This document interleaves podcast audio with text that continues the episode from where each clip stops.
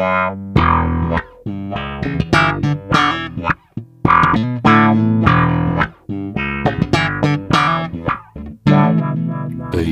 in Belgium. Welkom allemaal bij aflevering 11 al van ons tweede seizoen Based in Belgium. De podcast waarin we telkens één iconische Belgische bassist aan de tand voelen over het reilen en zeilen in zijn of haar muzikale leven. Altijd gecombineerd met een schandalig lekker glas wijn. We zijn een blauwe maandagavond hier in Studio Le Garage, maar de precieze datum en tijd doen er even niet toe. Want met basgast Nicola Rambouts krijg ik vandaag veel meer dan enkel een steengoede bassist over de vloer. Bij aanvang was hij vooral vaste contrabassist en mede-componist bij Desmona, het Antwerpse collectief dat hij met spitsbroeder en vocalist par excellence Gregory Frateur oprichtte om binnen het idioom van de popsong muzikaal te laveren tussen chanson, jazz, klassiek, gospel, wereldmuziek en theatrale performance. Op zich al een heel ruim palet om zich muzikaal uit te leven, maar hij breidde dat gaandeweg ook uit als begeleider naar een even ruime waaier aan artiesten waarvoor hij lage tonen voorzag en voorziet. Waaronder Guido Balcanto als nieuwe hoofdbroodheer. Maar daarnaast kon je hem zeker ook al zien spelen op contrabas en basgitaar bij Pieter Embrechts en de New Radio Kings, Brazzaville, Stef Camille Carlens, Rudy Trouvé, The Colorist Orchestra, Ericsson Delcroix Duo, Stijn Meuris en ga zo maar door qua beaumonde in de Belgische jazz- en popwereld. Al die ervaring en wijsheid geeft hij sinds enkele jaren dan ook door als docent aan de Hasselse pop- en rockopleiding bij Hogeschool PXL. En nog eens daarnaast is er nog veel meer dat in deze sympathieke Antwerpenaar huist. Een componist bijvoorbeeld van theatermuziek voor onder andere Theater Artemis en het Nieuwstedelijk, maar ook filmmuziek voor onder andere een film met de legendarische Jeanne Moreau en zelfs hedendaagse dansmuziek voor het gezelschap van Anne van den Broek. Zijn eigen artistieke stempel doordrukken lijkt voor Nicola Rombouts de belangrijkste creatieve drijfveer. En met zijn eigenste opnamestudio Caporal trekt hij zijn eigenzinnige lijn door als producer, engineer en mixer. Geen voiceovers of louter commerciële sessies, maar enkel wat Nicola zelf interessant vindt. En dat hij gelijk heeft, wordt ook onderschreven door Guido Balcanto, Chris Dane, Rosa Buzzi, Admiral Freebie en nog zoveel meer tevreden klanten. Ook zijn nieuwste geesteskind Spook met Simon Segers en Philippe Wouters getuigt van lef en expertise. In zijn muzikale rayon dus alleen maar goeds en totaal niets fouts. Dames en heren, Nicola Rombouts. Yeah. Dag Nicola. Goed. Leg dat grote instrument waarnaast u neer en neem er plaats achter de micro. Hè. Ik heb uh, ooit een uh, radio-dj gehad die had een bakbeest. Een bakbeest? ja. Dat vond ik iets minder fijn. Dat was in Nederland waarschijnlijk. Nee, het was in nee, België. In ja. België. Een. Lieven van den Houten heeft het zo genoemd. Lieven van den Hout. Ah ja, maar die heeft altijd zeer speciale bewoordingen. Ja, voilà, voilà. Voor voilà, de voilà. meerde, meerwaardezoekers die waren. Zoiets, hè, zoiets. Hè. Dat een soort bak is en dat ook leeft. Daar komt het dan op neer, denk ik. uh, ja, ik ken u niet zo heel goed persoonlijk. Klopt. We zijn elkaar veel gekruist, maar nooit aan, aan de praat geraakt. Maar ja, ik heb zoveel collega's die uh, ja, zoveel lof zwaaien over u. Amai, ja. Als contrabassist, als basgitarist, als componist, als trekker van projecten, als uh, studio-owner, uh, mixer, engineer, producer. ja, hoe ziet je uzelf? Mag ik u nog bassist noemen of is dat op den duur te, te eng? Uh, dat, dat, varieert, jaar, jaar na jaar varieert dat. Uh, maar ik noem mijzelf ook veel knutselaar. Oké. Okay. Dat vind ik ook een fijn, uh, een fijn woord dat mij rust geeft. Maar nee, ik ben, ik ben eigenlijk toch altijd wel in de eerste plaats contrabassist, denk ik. Mhm. Ik denk dat dat toch altijd de, de, de grote liefde is en het grote, ja, ja. het grote begin van, van heel veel. Knutselaar, contrabassist. Ja. en ik, ik hoor u zeggen, op zoek naar rust is muziek iets dat u vrede moet geven in de, in de ziel? Ja, ja, absoluut wel. Ja. Ja, ja. Voor mij is, is, is, is muziek de, de, de, het, het, het, het timmen van het ongerijmde, het, eh, het tot rust brengen van de destructieve ziel. Het Ja. bakbeest moet getemd worden. De taming of the bass, ja, absoluut. Timing of the bass. Nee.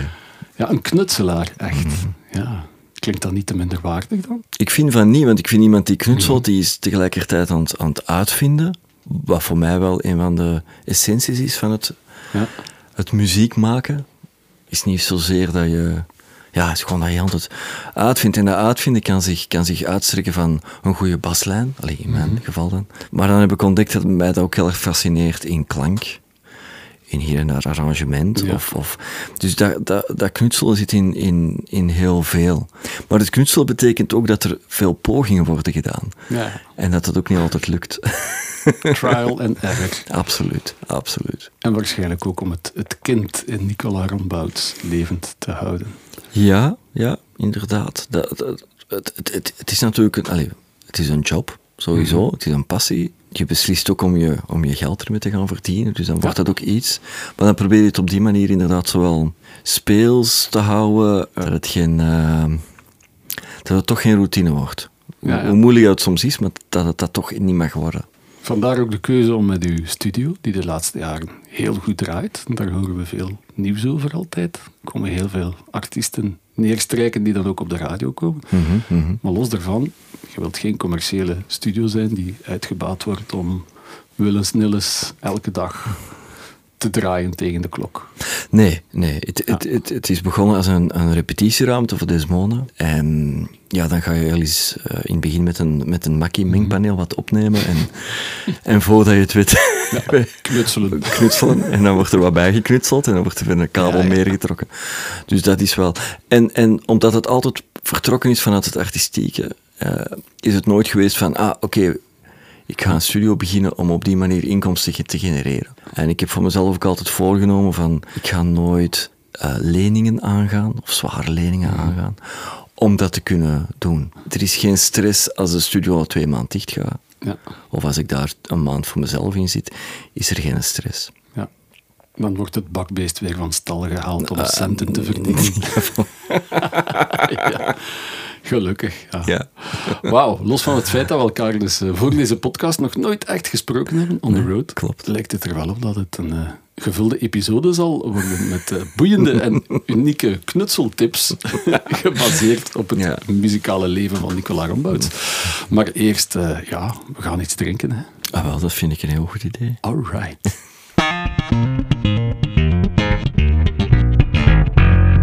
First things first. Ik had eh, een dubbelaar beloofd, en een contrabassist slash basgitarist, maar we hebben dus ook een knutselaar met Nicola Rombouts. Ehm, en zijn eigen studio, Caporal. Ik vroeg me af, waar komt die naam vandaan? Eh, er is een periode geweest in mijn leven dat ik heel veel rookte. Aha. En Nu niet meer. nee, ik ben nu toch al meer dan tien jaar gestopt. Wauw. Ja. Gotta have nerve. Eh, ik was het echt beu. Ik vond het Ja? niet meer lekker. Ja, ik vond het gewoon niet meer lekker. En, en ben ik ermee gestopt. Maar ik heb toch 17 jaar heel intens gerookt. Amai. Intens op een manier van ook s'nachts wakker te worden en een sigaret op te steken. En, En dan weer door te slapen. en dan weer te slapen, maar gewoon goesting in de sigaret. Amai. En ik ben op een moment helemaal naar, eh, en dat heet de Gauloise Caporal sigaretten. en dat zijn die Ah, witte ja, sigaretten ja. met witte filter eh, in een lichtblauw pakje. Ja. Google afbeeldingen, allen daarheen. Ja, voilà. dus in die zin was, dat, eh, was het de naam toen gekozen, Caporal. En de studio was er al toen dat je nog rookte. Ja. Of op het moment dat je stopte, heb je besloten van ik ga de studio ter compensatie Caporal heten. Nee, nee, nee, nee, nee. nee. De, allee, de, de studio zoals ze er nu is, was er nog niet. Ja. Eh, maar laten we zeggen dat de, de, de VC2 was er al. ja, ja, de structuur. De structuur was er al, ja. Financiële structuur. Ook belangrijk, moeten we ook durven over praten. Natuurlijk, ik denk dat het ondernemerschap eh, bij muzikanten nog altijd te veel onderschat wordt. Ja, Uh, dus je bent ook een van de eerste bassisten die binnenkomt en die ook zegt van ondernemerschap. De meesten steken het een beetje weg onder. We, we, doen het graag en we mogen er geld voor vragen, maar het is eigenlijk puur ondernemerschap. Hè? Nee, ja, tuurlijk. Ik had nog uh, onlangs ging het, ging het weer al over besparingen en weer al. Ja. En, en ik denk, ja, Benny Klaases, uh, de acteur, de acteur ja. op Facebook als antwoord iemand, op een, op een, op een post mm. van iemand als antwoord gaf van uh, It's not a hobby, it's my fucking job. Ja. En, en ik vond dat wel een mooie statement. Dat, dat, is wel een essentie in de zin van, het is niet van, oh, het is een job, we moeten ons geld, maar het is wel, we pakken dit heel serieus. Ja. En dat is belangrijk. En we steken er veel tijd in. En we steken er veel tijd in en passie. En of dat we daar nu ons geld mee verdienen of niet, maar we pakken het wel heel serieus aan. Mm. Ik heb al amateurmuzikanten geweten die veel professioneler zijn soms dan sommige professionele Mhm. muzikanten. Dus dat, maar dat zijn twee verschillende verhalen. Ga je Ja. er geld mee verdienen of niet? Ik, ja, dat probeer ik ook aan mijn studenten uit te leggen. Dat. En ik denk ja ook, dat dat ondernemerschap echt iets is om eh, ook trots op te zijn dat je dat doet. Ja, daar moeten we straks nog dieper op ingaan, denk Ja, ik. met veel plezier, want geen, het is iets dat mij geen erg- bassist gehad die zo eh, richting de markt eh, durft spreken en denken. Heel Maar ik denk, ik denk niet marktconform, ik denk artistiek, maar ik denk net Ja. dat in de artistieke ook ondernemerschap kan zijn, Ja. zonder dat het puur economisch moet worden. Ja, je moet het op een of andere manier exploiteren. En dat hoeft niet plat commercieel te zijn. Nee, absoluut niet. Nee. Nee. Maar er moet wel een, een eh, eh, maatschappelijk en economisch respect tegenover staan. Dat Ja. is belangrijk. Meteen al eh, diepe, diepe gedachten aan het begin van de aflevering. Los van dat beroep, de muziek, zijn er dan nog hobby's? Of Eh, muziek? ja, ja. ook Nee, muziek en eh, muziek beluisteren en nieuwe dingen ontdekken? Of Eh, ik lees veel. Ik kijk heel veel slechte popcornfilms. slechte popcornfilms? Ja. Is dat zoals B-films Ah, uit eh, nee, horror? Nee, Dat, is, dat is zelfs iets te cinefiel.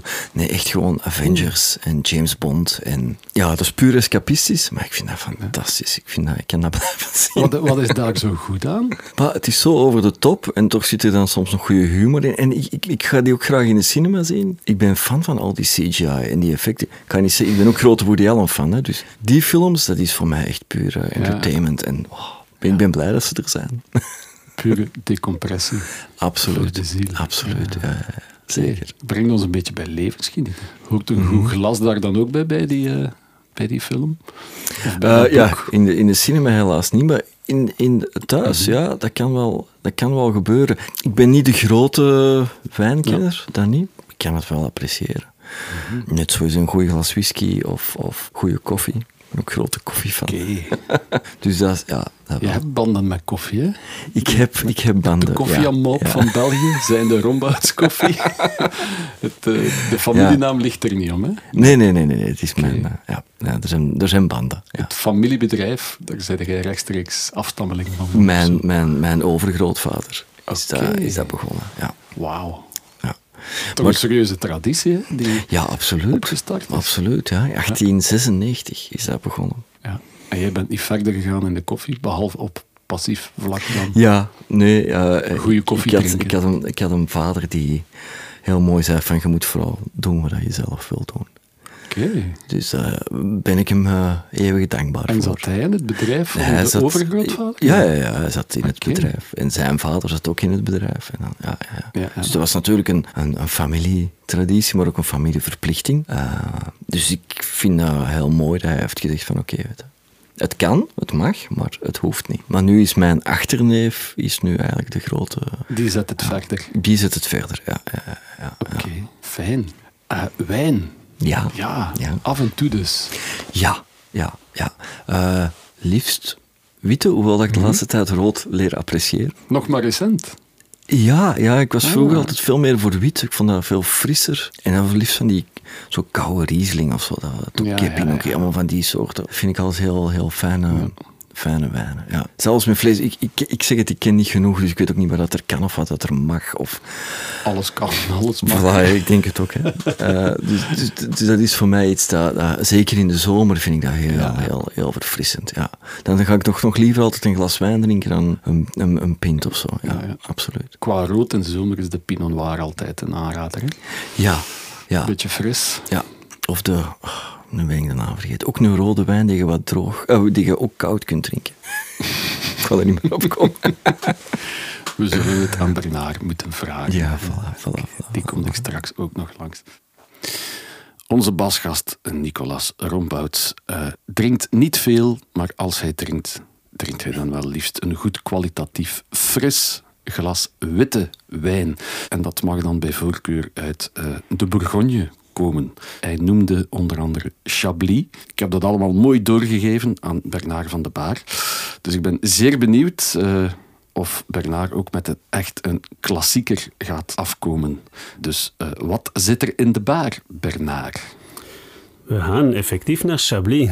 Uh, Chablis zelf. Ja, Chablis ja, zelf, ja. Ben Chab ik deze zomer geweest en er valt geen hol te beleven uh, in Chablis. Ik was daar in mei. Ik ben daar mijn uh, ronde van Frankrijk met mijn met de mobiloom gestart in Chablis. Dus een regio die enorm aan het afzien is op dit ogenblik. En dat bedoel ik op, de, op het gebied van klimatologische omstandigheden. Dus Chablis, om een beetje te situeren, is de meest noordelijke mm -hmm. appellatie van Bourgogne. Is eigenlijk nog op een anderhalf uur van Boon. Uh, gelegen. Ja. Hij gaat meer naar Auxerre toe. Het klooster van Boon, ja. bekend uit de, voilà. de Louis... Maar we gaan naar het noordwesten. Louis de Finet films. We zitten eerder dichterbij van Auxerre. En eigenlijk, waarom zijn ze echt afgelegen van de rest van Bourgogne, die een, een, een aaneenschakeling is van wijngaarden? Mm -hmm. Omdat er daar een heel typerende ondergrond is, genaamd Chiméridien of Portlandien. Dat is eigenlijk okay. een klein kalksteen, vooral kalksteen, maar met heel veel fossielen erin. En dat heeft een bepaalde ziltigheid en een bepaalde mineraliteit aan deze wijnen die ervoor zorgen ja. dat de Chablis, gemaakt van 100% Bourgogne, want ja, ja. Uh, laat ons zeggen dat uh, de, bijna alle witte Bourgognes zijn gemaakt van Chardonnay, ja. met, met, twee kleine uitzonderingen, de Aligoté en de Sauvignon en, mm -hmm. Saint-Brie, maar hoofdzakelijk uh, 99% van de Bourgognes zijn, worden gemaakt van 100% Chardonnay. Chardonnay is altijd een winnaar wel, hè? Iedereen lust wel Chardonnay.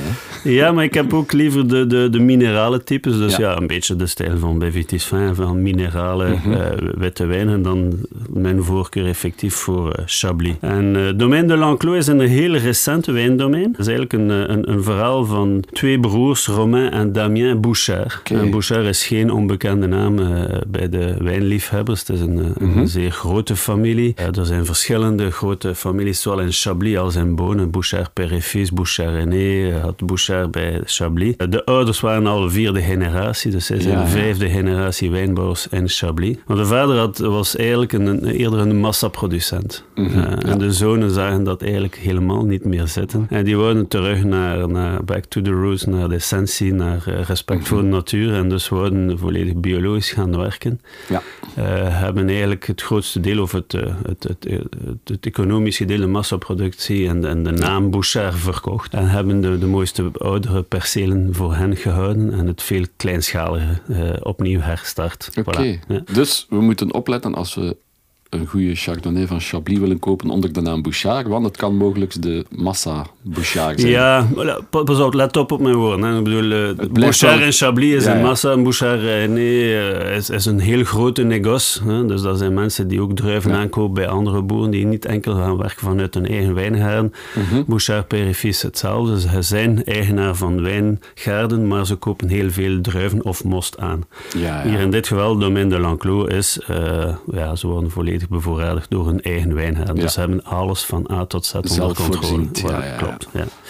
En dus ja, het grote probleem daar is, is, is vorst. Ze zitten eigenlijk in een, in een regio waar dat er nog heel regelmatig uh, gaat vriezen. Uh, mm -hmm. In april, mei. En vorig jaar was het in mei, was heel laat. Ja. Ik was er half mei naartoe en dat was de, een van de laatste dagen van 21 dagen vorst. Dus die men, elke nacht ging het alarm aan uh, om, om, om in de wijngaarden te gaan. En dat zijn fantastische tafereelen, want die proberen daar mm -hmm. met alle mogelijke middelen om de temperatuur te verlagen in de wijngaarden. Doen ze dat dan met een soort van dekens of, of uh, folie? Oh, er, er, zijn verschillende technieken. Sommigen gaan, ja. gaan uh, water sproeien om ervoor te zorgen dat de knopen eigenlijk volledig bevriezen, dat er een soort ijslaag rondkomt. Ah, oké. Okay. Zodat het eigenlijk beschermd wordt van de, de opkomende zon. Uh, ja. Anderen gaan daar gewoon in de wijn overal grote kaarsen, soorten grote ja, ja. kaarsen gaan, gaan plaatsen, om de temperatuur gewoon uh, op, op een hoger mm. niveau. Maar ja, het, het, het was, het was echt een, een, een, ramp, want ze zijn eigenlijk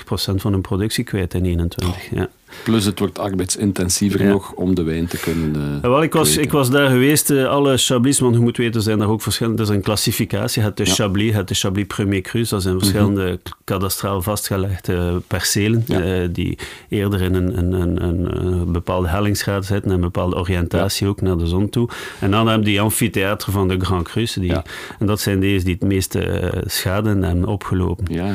En er is ook de Petit Chablis, is dat dan ook een deel? Ja, dat is meer in de vlaktes. In de vlaktes maar, rond, maar, met alle respect voor Petit Chablis, daar heb je niet die fameuze terroirs ja. van uh, Chiméridien en Portlandien. Ja. Dus je hebt niet die typiciteit van die mineraliteit en die fossielen en die kalkstenen. Dus voilà, uh, dus zij werken nu uh, officieel helemaal biologisch. De wijn die we nu hebben is een Chablis, afkomstig van wijngaarden in La Chapelle. Dat is een, een perceel die ik ook gezien mm -hmm. heb. Dat was een van de weinige percelen die toen nog niet aangetast was door de vorst. Maar helaas, drie weken later stuurde hij mij foto's en uh, werd de perceel volledig kapot gehageld. Ah, ja, dus ja, 21 was echt een, een ongelooflijk ramp. Vorst, hagel en dan uh, hele zomer regen. Uh, of toch heel veel regen had. Dus was niet ideaal. En spijtig genoeg, de, op de laatste vijf jaar hebben ze zo drie slechte jaargangen gehad. Met Ja. 21 die effectief echt een, een rampjaar is. Vandaar dat spijtig genoeg de prijzen nu eerder aan de hoge kant zijn van de Tuurlijk. Chablis. Niet tegenstaan dat, ik- dat ik nog altijd zeer goed vind. Als je het gaat vergelijken met alle andere appellaties uit Bourgogne die meer zuidelijk georiënteerd zijn. Ja. Voilà. Eh, dus hier is een, een wijn die een klassieke vinificatie heeft gehad. Ze hebben dus eigenlijk een, een heel mooi oude klooster gekocht in het centrum van de stad. Ze hebben daar eh, splinternieuwe installaties gezet. Alles Mhm. met, door zwaartekracht, gravitatie, dus geen pompen. Dus Ze proberen de druif zo intact mogelijk naar de Ja, ja. eh, inox tanks te brengen. En dus is een fermentatie met inheemse gisten. Dat vind, ben- vind ik altijd belangrijk, want Mhm. heel veel in de massaproductie gaan ze Ja. alles afkoelen, gaan ze de, de natuurlijke gisten doden en gaan ze eh cultuurgisten gaan gebruiken. Hier de trotsheid en fierheid van de echte betere wijnbouwers uit Chablis gaan met Ja. inheemse gisten. Mhm. Dat is de signatuur van elke wijndomein. Voilà. Dus het, het, het, wordt een, eh, het is een, een wijn die een hele zuivere neus heeft, die, die heel typische aroma's, vooral als opperjeugden van verse citrus en groene appel. Ja, zoals je merkt, allee, we hebben de, wijn al een in ons glas. Dan komen er toch iets, iets uitbundige geuren. Hè. En dan komen er naar eh, geuren van eh, het een beetje die, die sinaasaste, je hebt die mineraliteit, het een beetje dat natte klei, het Oké. beetje onrijpe vijgen. En dan die, heel typerende minerale toetsen, een beetje die ziltigheid, die, die mineraliteit. Ja. Het is moeilijk om uit te leggen, maar er, er komt iets heel fris over in, in de neus. ja. En ook in de, in de mond heb je een, een aanzet met hoge zuur. Hè. We zitten toch in, in Chablis, noordelijk, dus de zuren zijn er, maar ik vind dat heel plezant. Dat is de ruggengraat van deze wijn. Ehm, en, en je zit hier ook ja, met, met die, die, die smaken die terugkomen van rijp fruit, bijna tot verse rozijnen ook een beetje zo in, in die afdronk. En, en voilà. Maar eigenlijk drinken we hem nog te jong. Hij is, hij is, het is een eh, 2000, 2019. Voilà, klopt. En eigenlijk Chablis, eh, hetzelfde met Sancerre, we hebben er ooit over gesproken. eh, In Sancerre is er zo 10% die op dezelfde ter ondergrond zit als, als daar in Chablis, die Camerin. En dat zijn eigenlijk wijnen die de drie, vier jaar moet laten liggen. Dan pas komen die tertiaire aroma's en die echte typische minerale toetsen naar voren. Dus heel leuk om nu te drinken, meer op die, dat citrus en frisheid en fraîcheur. Voilà, op, op een plateau de de Mer, heel aangenaam. Eh, ja, als je kunt, probeer toch als je een keer een doos van zes fles, zet er drie opzij voor Ja, een paar ja, ja. jaar en drink die andere op je gemak met En dan komt de belegensmaak dus voilà, ook naar Chablis voren. komt echt, echt tot zijn uiting eh, na drie, vier jaar eh flesrijping. Oké, Voilà. gelukkig brengt Bernard altijd twee flessen mee voor onze basgast. Dus ik ga Nicola Rambout eh, voorstellen dat we eentje hier kraken voor de frisheid en dat hij er eentje mee naar huis neemt om eh, te laten eh, bezinken. Voilà. Oké. Super. Santé! Dank u wel, Bernard. Voilà, die fles moet open. Uitschenken. Dank u. Ik zag u ook nog kijken toen dat het, eh, de naam Sancerre viel. Dat was waarschijnlijk de, de Dat was in- dat- rode ja, frisse ja, wijn. Klopt, Ja, ja. Dat klopt. Dat was de naam die ik, eh, die ik zocht. En dat is rood, maar ook gekoeld. Heel, lekker. Het is ook Pinot Noir. Je Ah, moet voilà, altijd voilà. koud drinken. Heerlijk. Bon, let's do this. Chin, Santé. op het knutselen. Zeker. Heel goed. De eer is aan u. Ja, ik vind zo... Hij is zo heel zacht ook tegelijkertijd. Hij zegt wel ook van de citrus, maar Ja. ik vind hem ook heel zacht, heel warm van, van, van textuur of zo op een of andere manier. Ja, dat is ook voor mij volledig mijn ding. Ja? Vooral door die sinaasappel. Eh, het gaat een beetje naar orange wine. Van, ehm, qua zuurte Mm, en bitterheid dan toch. En dat volle fruit die erin zit. Ja, toch die de Mer nog eh, Ja, bijbestellen. die, die moeten we... Ooit begin ik een eh, cateringbedrijf in, eh, in zeevruchten. En Ja. dan maak ik een podcast over zeevruchten. Voor zeevrucht. Nee, voilà. Chin op het leven, op eh, levensgenieten. Absoluut. Heel absoluut. fijn dat je hier bent. Nee, ben met veel, dat- met veel plezier. dat de wijn ook aanspreekt, want je kunt dus inderdaad binnen een paar jaar de tweede fles kraken en dan zal die heel anders smaken. Dat, ik vind dat een, Ja. een ongelooflijke wetenschap eigenlijk. Ja, ja. Dat is een soort, toch een soort alchemie bijna. Ja, absoluut.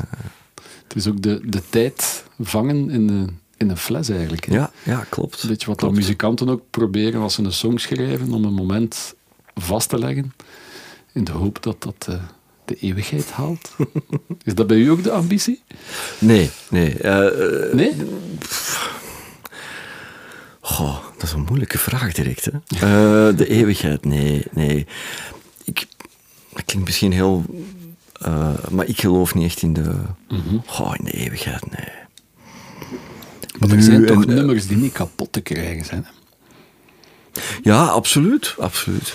Maar, maar daar ga ik mij nu even niet bij rekenen. Maar het kan toch gebeuren dat er plots... Het kan zeker gebeuren, maar ik, ik, ik vraag me af, ik ben, ik ben enorm, enorm grote Beatles-fan. Eh, Ja. Heel belangrijk voor mij. Ik vraag me dan echt af dat die met die gedachten gaan die niet die nummers hebben geschreven. Dat is niet... Dat is, Uit de documentaire blijkt van niet, hè? nee, hè? Nee, nee, dat is Ze wel- deden ook maar wat, was het Ja, zeker hè? textueel. Hè? Allee, als het, eh, Ja. bij, bij John en, en, en, Ja. en Paul textueel was het niet echt. Scrambled eggs. Wat mij dan wel opviel, is dat George Harrison eigenlijk heel serieus was. ja. Heel serieus ermee bezig was. En dat vond ik wel knap. Achteraf misschien de meest onderschatte Beatle, hè? Zeker. Qua solo-platen. Zeker, ja, ja. Steen, steen goede platen gemaakt, maar toch een beetje onder de radar van de andere twee vogels. Maar ze gunden hem... Ik snap het perfect. En, en ik ben Paul Jackson echt... Nee, niet Paul Jackson. De bassist Paul Jackson. De bassist Paul Jackson. Nee, nee. De Peter Jackson. Eh, Dankbaar om, om de document. En, en Ja. ik hoop eigenlijk dat er maar nog iets acht uur Ja. tegenaan smijt. Maar ik denk, ik, ja, die eeuwigheid... eh, ankerpunten, daar geloof ik wel in. Ik hoop wel dat je, dat je iets kan, kan, kan naar buiten brengen dat voor jezelf en misschien voor andere mensen wel een, een impact kan hebben. Maar hoe, hoe goed zou het zijn als er plots een artiest in de caporal een nummer opneemt dat dan blijkt binnen 30 jaar nog altijd een klassieker te zijn? En dat ze aan de oude bebaarde rombouts komen vragen. We gaan een documentaire draaien, een classic album. Kunt je zo je veders een keer op en neer doen in Ja, beeld? ja, ja. Dat moet toch wel geweldig zijn als je zo lang de muziekgeschiedenis kunt meesturen. Dat zou zeker heel mooi zijn. Wie weet, wie weet gebeurt het nog. Misschien is het al gebeurd en, en beseffen het binnen 30 jaar Ja. dat het er ergens tussen zit. Misschien dat het nu nog geen grote hit is, maar dat het wel... Ja. Ik weet, eh, het ging denk ik, eh, dat ik ergens las over boeken. Iemand van hè, de beste tien boeken, beste acht boeken Ja. van. En dat iemand aan de lijst had boven gehad uit 1905 of zo, ook een soort best-of. Ja. En geen enkel van die boeken had, had de eeuwigheid overleefd. Geen enkel. Geen enkel van die boeken. Dus, dus op het moment zelf was eigenlijk iedereen fout van wat er op dit moment zo gezegd de eeuwigheid zou gaan halen. Ja, ja. Dus ja, Dus jij gaat u niet afvragen bij het begin van een sessie in uw studio, of als je iets mee componeert van, gaat dit de tand des tijds ooit nee, overleven? nee, Ik, wat ik afvraag is, ik hoop dat alles werkt. Dat is meestal de eerste vraag. Ja, als je natuurlijk constant met van die oude vintage dingen op Ja, voilà, dat is altijd spannend. Hè? Want, kan alles uitvallen. Ja, Hè? ja. Maar daar gaan we het straks ook over hebben. Wauw, we moeten dringend doorschuiven naar het volgende item. De drank is in de man, dus voilà. Dan eh, hij alleen nog maar eh, veel beter over muziek praten kan.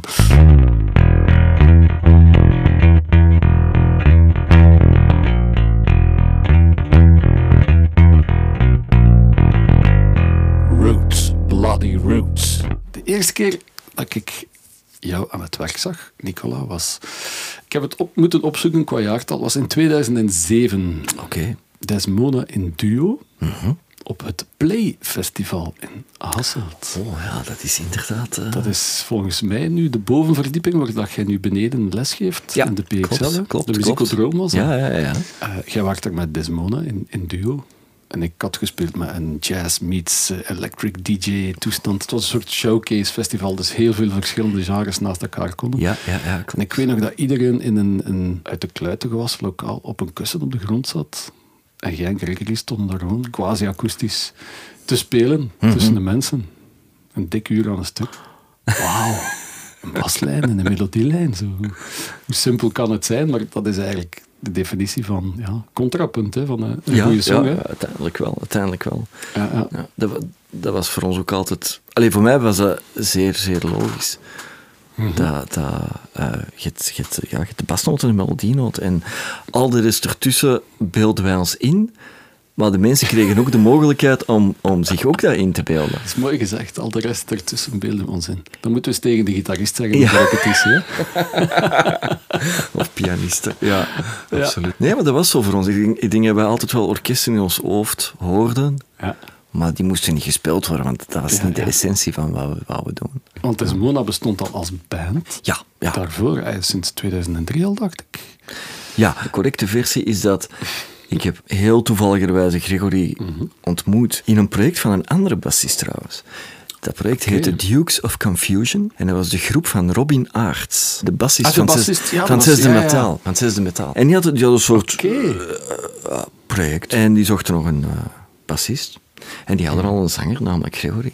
En daar hebben we elkaar ontmoet. En dan waren wij onmiddellijk zeer gefascineerd door elkaar. En een plaat die ons verbond was een vrije improvisatieplaat van Peter Kobalt, de contrabassist, Wow. met Diamanda Gallas. Waar hij grote fan van was op die moment. Ja, tuurlijk. Dus dat was voor ons van, wauw, jij, jij kent die plaat. Oh, En, dan, en dan zijn we eigenlijk redelijk snel samen wel wat beginnen uitproberen. En ik denk een maand, het was in 2003. En in september, twee maanden later, hebben we ons eerste concert gedaan in Recyclaar, in Brussel. Ja, onder het eh, station. Voilà. Ja, Ja, ja. Maar toen bestond Desmona, want Gregory heeft die naam eh, verzonnen, bestond Mhm. dat al. Gregory af en toe trad daarmee op met een aantal andere mensen die in die band zaten. ja, ja. Ja. En op een moment belde hij om te zeggen: Ja, eh, ik heb iedereen in een band ontslagen, dus wij gaan met twee verder. Ik zeg: Ja, wel, dat vind ik een heel goed idee. Oké. Dus in 2007 stonden jullie daar dan nog als de originele Desmona eigenlijk Ja, ja. en ik denk in die periode waren we net wel begonnen met de groep. Dus met Steven Ja. Kassiers op drums en Ja.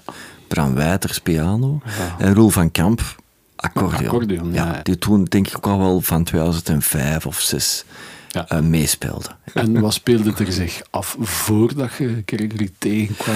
Toen waren er nog vol een bak eigenlijk contrabas aan het studeren op Ja, Clemens ja. op het conservatorium van Antwerpen, dacht ik. Ja, absoluut. Ik ben, ik, ben- ik ben eigenlijk autodidact begonnen Mhm. eh, op mijn 15, 16 Ja. elektrische bas in, in een, ik denk, Op uw vijftiende pas. of 16, ja, zoiets. Ja. Ja, Met Ik- de elektrische bas toch eerst? elektrische bas, ja. ja. Ik, ik kende ook geen andere bas. Allee, dat was voor mij van, ah ja, de elektrische bas. In een garage met, met mensen. En dan pas op mijn 19, denk ik, zo de contrabas ontdekt. En je denkt van, oké, ja, dat... En die kwam toch niet via de Beatles binnengesmokkeld? Nee, die kwam binnengesmokkeld via oh. Vond ik fantastisch toen. Jasper Houtekiet hier ook al was. eh, Ja. Moondog Jr. heeft dat ook van dichtbij meegemaakt Ja, en zwaar ja. beïnvloed. En G-Love en Special Sauce. Ja, Jimmy. Jazz Prescott on the bass. Eh, eigenlijk ook Mo- Moondog Jr., Thomas de Smet. Oké, Thomas. Ja. Ja. Het lichtend voorbeeld voor u. Toch wel. Zo- Toch, toch iemand dat ik dacht van, wauw, weet je, in, in, een, in een meer pop- en song context. En dan ondertussen wel ook jazz beginnen ontdekken, uiteraard. Of wel altijd aan het laatste. Ik heb ondertussen geschiedenis gestudeerd op de NIF. Nog twee jaar op de NIF gewerkt voor mijn doctoraat. En dan beslist om toch conservatorium te gaan doen. Op latere leeftijd. Op later ja. leeftijd was ik al 24. En dan ben ik het Lemmens begonnen. En dan ben ik voor mijn twee laatste jaren naar Antwerpen. Ja, ja. Maar hoe gaat het in zijn werk als je autodidactisch dan jazz wilt leren? Dat is toch niet zo simpel als een paar popnummers ik, heb, ik, heb, ik heb veel geluisterd en toen ik in Leuven op kot zat, was er in het stuk, Ja. eh, kon de cursussen volgen. En de ene cursus was een jazzcursus Mhm. van Christophe de Visser. Aha. Ja. En die heeft mij eigenlijk wel een beetje meegeholpen om uit te leggen van, oké, wat is een akkoord? En hoe doe je dat? Want ik Cool. noten lezen, dat Die heeft mij ook op weg gezet. Ja, echt waar? Ah, fantastisch. ik ben hem eeuwig dankbaar. Ja, bij mij En gaat er ook nog passeren. Ja. ja absoluut. Ja, ja, ik vond het echt zo van wauw. En dan hebben we toen All the Things You Are. En dan ben ik gewoon een weekje bezig geweest en ik heb maar noten leren schrijven. All the Things van- En uitgelegd van, ah ja, hoe zit een walking bass wat in elkaar? En dan zo begonnen. En dan was er een goede schoolvriend van mij, Roel van Hoek. is nu in de Bozar de jazzprogrammator. En had muziekschool gedaan, saxofoon. En die was eh, op het Lems begonnen. En die heeft mij ook heel hard meegeholpen. En, eh, Om door dat examen te krijgen. ja, Vooral zijn, de theorie. Dan zijn we eigenlijk met, met, met, met vrienden door eh, Frankrijk gaan rijden met een mobiloom en Mhm. op straat gaan spelen. En dat was mijn voorbereiding. Oké, echt standards op straat. Standards op straat, Ja, Avignon. En, Wauw. ja, en dat was echt zo van, ah ja, oké. En ik had toen gezegd, ja, ik- die vier standards ga ik doen. Dus we hebben die elke dag tien keer gedaan. Tot ik ze kon. Ja. Maar dan hebben ze mij toch binnengelaten. Allee, Philippe Aert gaf daar toen les. Ja, Fantastisch. kijkstage bij gaan volgen Ja? vroeger. Fantastische leraar ook, hè? Ja, ja, ja. ja. Dat hij pedagogisch aanpakt. Geeft ook En, eh, ik geef van hem nog dikwijls de, zijn lijnen over All the Things You Are, trouwens. Ah, ja. Heel ambetant schema. ja, eigenlijk wel. Hè. Er zit zo'n mineur te veel in. naar. Ja, en dat wordt zo altijd als standaard, zo beginstandaard gegeven, maar eigenlijk gebeurt er wel het een en het ander. Ja, dat is geen evident. hè. Nee, hè? Nee, nee, nee, nee, ik vind het ook niet. Ik heb het altijd een autumn leaves, denk ik van, ah, dat is dan toch nog iets Iets eenvoudiger. ja. Dus je hebt daar bij Philippe gezeten. Ik heb daar bij Philip gezeten. Ja, ja, ja, En dan eh, een- naar Antwerpen geswitcht. Ja, dat was het Cooley Goodmanson. Ja, ja, ja. Dat was zo iets straf. Allee, straffere kost in de zin dat hij een heel technisch... En, Ja. en, en Philippe is een fantastische leerkracht, maar ook heel intuïtief tegelijkertijd. ja. Ik weet dat ik ooit vragen had over eh, diminished. En dat hij gewoon zei van, ja, diminished zijn kleine tertsen. Ja. En je moet gewoon op de juiste noot beginnen, op de juiste noot eindigen. En dan kun je dat overal gebruiken. Ik heb het onlangs ook nog voor gehad. Dat ik, ja, om de zoveel leerling zit er intussen. Welke scale speelt je over de minst? Ja. En dan, dan begin ik ook altijd te zweten. Ik kan er altijd iets over spelen, maar ik kan dat eigenlijk nooit echt pedagogisch uitleggen wat daar gebeurt. Dat is zo Ja, dat is een, een kleur. alarm dat afgaat. Ja, ja. Diminished. ja dat, is een, dat is een bepaalde kleur dat je ook gewoon neerzet. En, en, en een bepaald soort intervallen en, en textuur dat je daarmee... Maar dan exact welke scale, ja. Maar het, het- volgens mij, je moet altijd kijken waar dat je naartoe gaat. En dan Voilà, het maar dat heb ik ook van Filip geleerd. Zo. Wat Ah, is uw oké, ja, eindpunt? ja. Daar, daar, moet je, daar moet ik raken. Ah, heb ik mag toch geen fout antwoord te geven aan die student. Maar eh, Desmona was wel a hell of, of a ride, hè. Ja, fantastisch. Hè? heeft Ah, ja. wel bakens verzet in het eh, muzieklandschap in België hier eigenlijk. hè. Ja, allee, dat op het moment. moment zelf zijn ze er niet bewust van, maar ik, je, voelt wel een, een interesse. Mhm. Ja, allee, we zijn iemand als Kurt Overberg nog heel erg dankbaar. We mochten er gaan spelen nog voordat we een plaat hadden. Ja, en het was natuurlijk het was een akoestische band met een accordeon, met een piano, Ja. contrabas. En ineens stonden wij op Pukkelpop. En een Ja. dag daarna stonden wij op Jazz Middelheim. Ja. Dus dat was voor ons van wauw. Dat, dat, en, en voor ons voelde dat heel natuurlijk, omdat in onze ziel waren wij ook echt wel hardcore luid. In ons, in, on- in ons hoofd ja. hadden we dat ook wel. Maar tegelijkertijd met iemand fantastisch als Bram Wijters klopte dat op Jazz ook helemaal natuurlijk. Absoluut. En Gregory zelf ook natuurlijk. Dat, dat was voor ons twee werelden. En ik heb soms wel het gevoel dat dat gelukkig nu allemaal veel makkelijker is. Dan de stuff ook die twee werelden. Mhm. Mhm. Heel, op dat vlak denk ik wel dat, er, dat we eh, iets gelukkig ergens mee een stroom in gang hebben kunnen zetten, een beetje. Ja, ik weet, de moeilijkste vraag dat we altijd kregen is van welk genre of wat voor Mhm. muziek speel je. En op een bepaald moment hadden we het antwoord gevonden, heel stom eigenlijk, maar tegelijkertijd we- zeiden wij altijd van ja, wij spelen onze muziek. En dat voelde voor ons het beste aan. Dat we, we waren er ook totaal niet over bezig van welke stijl zouden we nu spelen. Dat, die vraag wordt niet gest- werd niet gesteld. Want voordat ik noten leerde lezen, eh, was er nog een andere, voordat ik Christophe de Visser workshop heb gevolgd in het stuk Ja. in Leuven, was er nog een andere workshop die ik eerst heb gevolgd, namelijk van Peter Jacquemin. Ja, dat, eh, De grote dat is Peter Jacquin. helemaal free, hè? Ja, en dat was voor mij echt, dat was echt thuiskomen. Dat was echt van, ah, Ja. ik heb ja, mijn toenmalige vriendin ervoor laten zitten, letterlijk. Ik wou gewoon alleen nog maar dat doen. En dat was, dat was voor mij de wereld in oping. En nog altijd is dat voor mij. Dat zijn eigenlijk, eigenlijk zijn dat mijn roots. Die volledige, die free. Uh, volledige vrije creëren.